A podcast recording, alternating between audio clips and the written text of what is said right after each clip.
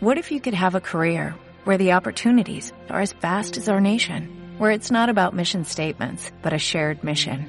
At U.S. Customs and Border Protection, we go beyond to protect more than borders, from ship to shore, air to ground, cities to local communities. CBP agents and officers are keeping people safe.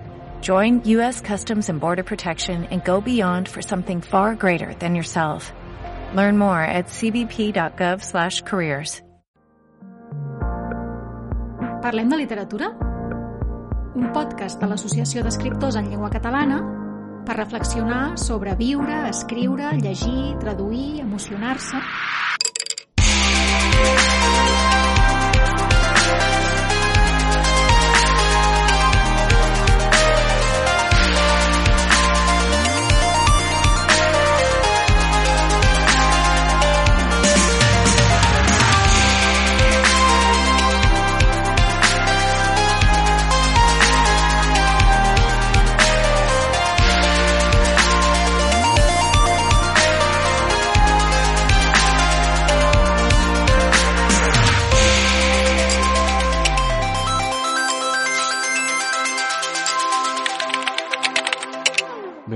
aquest eh, podcast organitzat per l'Associació d'Escriptors en Llengua Catalana, en aquest cas amb un dels nostres escriptors eh, més interessants de ciència-ficció i eh, fantasia i també gènere negre, el Jordi de Manuel, barceloní, nascut el 1962 i autor d'un gran nombre d'obres que comentarem també amb ell al llarg d'aquestes preguntes, aquestes converses.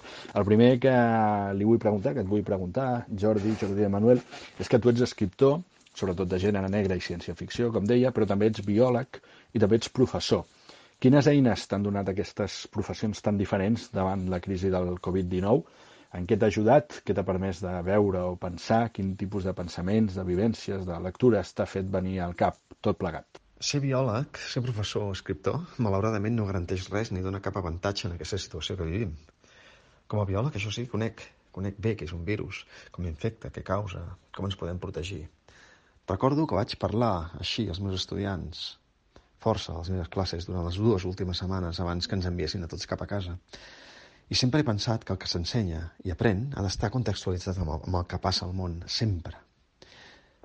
El fet de tenir el coneixement científic, que és la PCR, les proves serològiques, un antigen, la immunitat grupal o les etapes per obtenir i fabricar una vacuna m'han fet ser molt crític davant determinades decisions o fins i tot davant la ignorància i analfabetisme científic d'alguns polítics i també d'alguns professionals dels mitjans de comunicació, a la veritat. Com a escriptor de gènere, afirmo que la literatura negra la ciència-ficció són molt adequades per explorar la naturalesa humana i els dilemes morals de la societat. I ho fan millor que la literatura realista. La situació que estem vivint és estranya hem d'estar a casa, distanciats de la feina, dels amics, sobretot per protegir la nostra gent gran i evitar que es col·lapsi el sistema, que es col·lapsin els hospitals i el sistema sanitari. En el nostre context temporal i geogràfic no hem viscut mai res que s'assembli a això. Mai. Els autors de gènere fantàstic i de ciència-ficció han viatjat amb els llibres a mons, amb situacions com les que estem vivint. Estan com si diguéssim més, més immunitzats, més entrenats amb les distopies. Novel·les com ara El dia dels trífits, Mecanoscrit de segon origen, Soc llegenda o La carretera recreen situacions apocalíptiques molt bèsties i també molt xungues. Com a escriptor, he recreat situacions distòpiques amb més d'una novel·la i també amb narracions breus. I en la ficció sobrepasso la realitat, perquè la ficció sempre, sempre ha de superar la realitat. Si no, quin sentit té que existim els escriptors de gènere? Un dels punts forts de la teva obra en general és la construcció de mons. Ara que tot apunta al debat sobre si hem de reconstruir el nostre o hem d'aprofitar per fer-hi canvis profuns, quines diries tu eh, que són les reflexions que podries compartir amb nosaltres al respecte i quines podries exemplificar a partir d'alguns dels teus títols més coneguts? La història constata que els humans no aprenem dels errors, que una vegada rere l'altra ens equivoquem amb les mateixes coses. Sobre el que estem vivint, per exemple, teníem les dades d'una pandèmia, l'última que va tenir lloc fa 100 anys la grip aviària de 1918, que va matar desenes de milions de persones al món. És ben conegut en l'àmbit epidemiològic el que va succeir a dues, a dues ciutats nord-americanes, a Filadèlfia i a Sant Louis. A Filadèlfia no es va fer res i la mortaldat va ser terrible. A Sant Louis, en canvi, es van confinar la població des del principi i es va contenir la grip, evitant moltes morts i evitant també el col·lapse del sistema sanitari. Ho sabíem, i no obstant això, al món occidental hem actuat massa tard i amb covardia, pensant més en l'economia que en la vida. Els humans som incorregibles i com a societat no n'aprenem. I això qui? Qui sap si ens podria portar a l'extinció en un futur no gaire llunyà? Més que reconstruir el món, aquesta crisi, aquesta situació inèdita que estem vivint, ens hauria d'obligar a aturar-nos i repensar tot allò que és important. Què és important amb la sanitat? Què és important amb l'educació? I en l'economia? I en la cura que tenim de la nostra gent gran? I en el medi natural del qual depenem absolutament? Malauradament crec que n'hi haurà pocs canvis, que no n'haurem après prou. Pel que fa als meus llibres, no és fàcil de dir ni de posar-los com a exemple. Jo crec que una novel·la ha de construir un món, un món de ficció on convides el lector a entrar-hi. És com fer-lo entrar en una casa on no hi ha estat mai. Mostrar-li els mobles, les habitacions, les golfes si n'hi ha, acompanyar-lo pel passadís i mostrar-li tots els racons fascinants que té la casa, és a dir, la novel·la.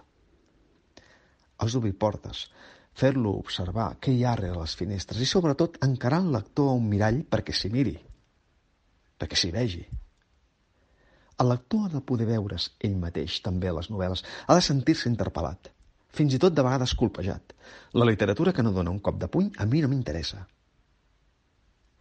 L'olor de la pluja, la novel·la fundacional de l'inspector Marc Sergiot, el món que genera és una Barcelona distòpica, on fa dos anys que no plou, on els seropositius, per sida, estan tots tatuats al canell, on hi ha camps de refugiats, on hi ha crims i la ciència juga un paper important.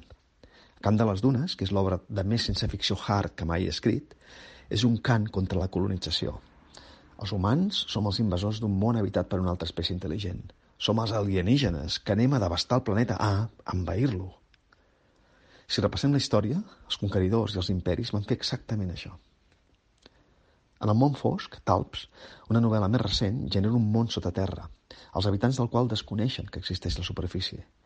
No saben que hi ha la llum natural del sol. És un món subterrani assolat per les guerres i les epidèmies on les dones desapareixen després de tenir el primer fill. En un relat breu, també recent, Codi Binari, que va guanyar el premi de Frederic Pujolà de Ciència Ficció Ciutat de, Gire, de Figueres, hi faig un esbós del món on la tecnologia personal gairebé ha acabat amb la llengua parlada, on ens costa distingir un robot d'un ésser humà. Seria adequada per fer un episodi de Black Mirror, per exemple. Ara estic acabant una novel·la ambientada en un futur no gaire llunyà, en què els humans hem d'abandonar la Terra. Però encara no tenim prou tecnologia per anar gaire lluny. Qui sap si algun dia potser ho haurem de fer. La meva tercera pregunta té a veure amb la teva doble vessant de científic i d'amant de la ficció que et posa en una situació de privilegi per valorar què hi aporta cadascuna quan la realitat és tan intensa com en aquests dies. No? Davant dels debats recurrents al respecte, què n'opines tu? Entens que alguna gent opti, per exemple, només per una de les dues línies en l'actualitat? O què opines sobre la fugida màgica de molts moments de la crisi cap a remeis miraculosos, cap a supersticions diverses? Ens manquen segurament per igual cultura científica i humanista? A veure, són moltes preguntes difícils. Sabem que totes les societats, totes, des de les nòmades fins a les sedentàries, al llarg de la història han tingut creences religioses que ens, els han permès explicar l'origen del món, de la pròpia existència i de la transcendència més enllà de la mort, de la vida terrenal. Els antropòlegs no han trobat cap societat, per petita que sigui, ni civilització, que no tingui déus amb rituals i supersticions.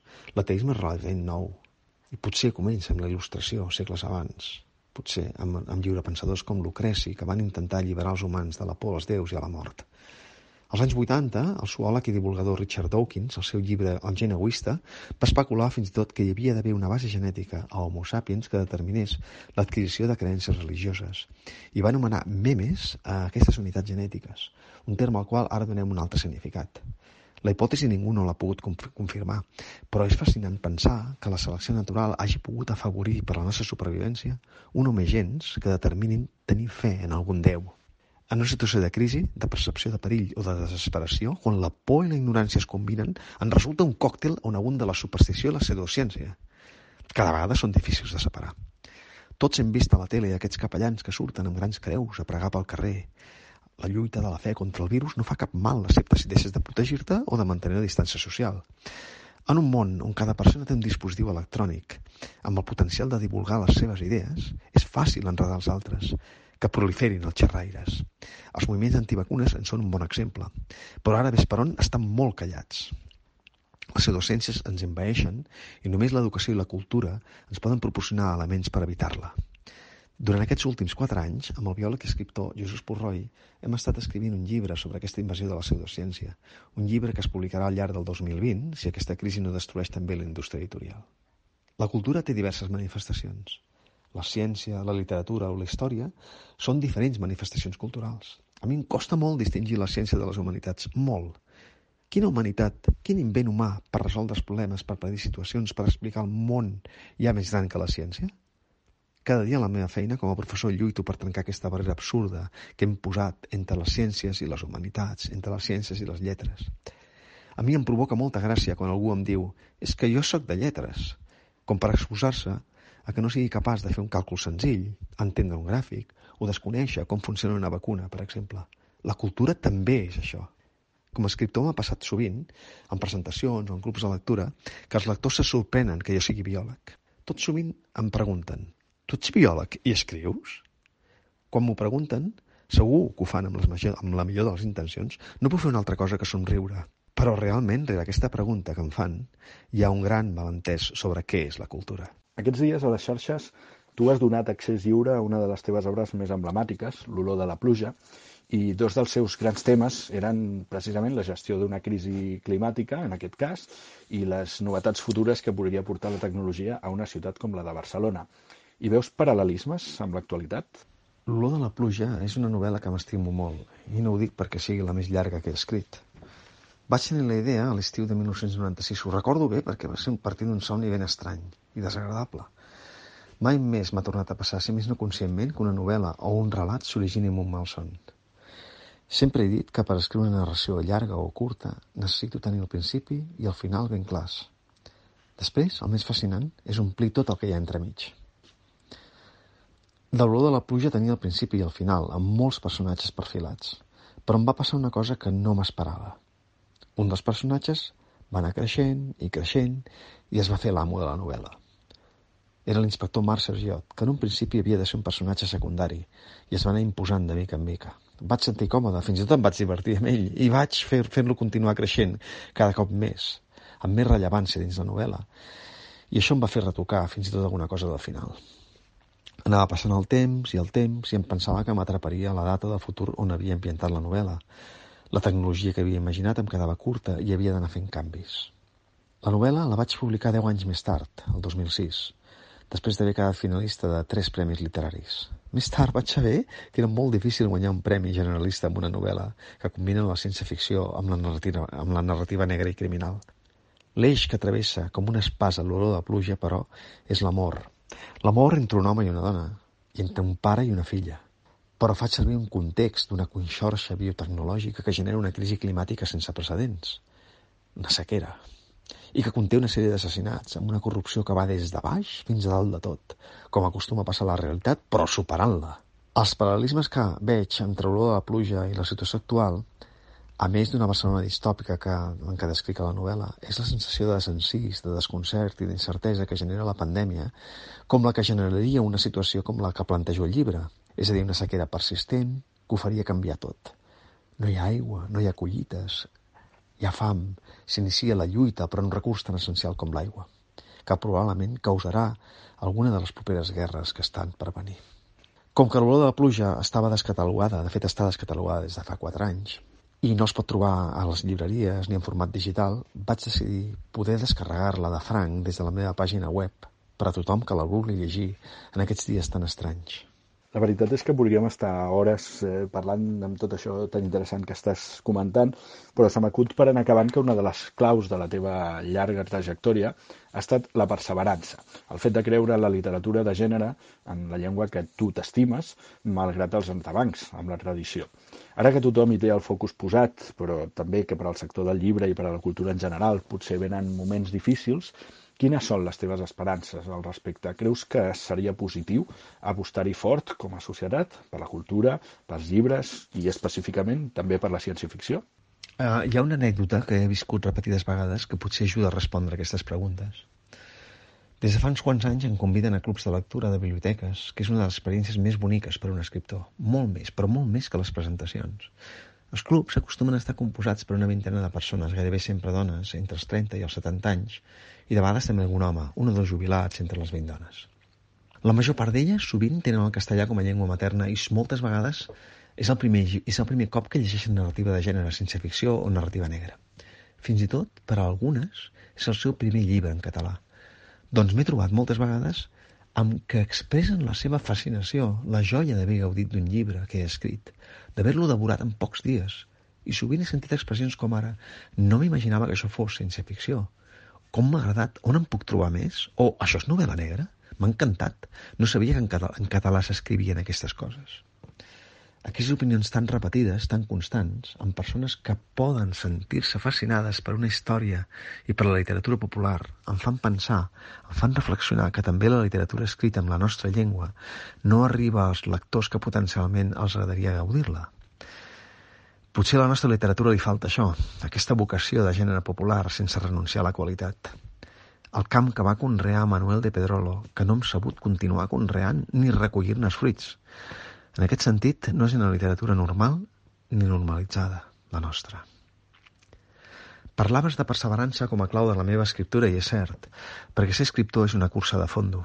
Un dia m'ho comentava, potser per consolar-me, l'editor Isidor Cònsul que va morir massa aviat. De fet, per fer qualsevol ofici bé s'ha de picar molta pedra, cal ser molt perseverant, i l'ofici d'escriure no és cap excepció. Cal llegir, llegir, llegir, i escriure, escriure molt, i equivocar-se també. Deia abans, amb una altra resposta, que els humans repetim els errors, que ens tornem a equivocar. No sóc gaire optimista en que ho fem bé.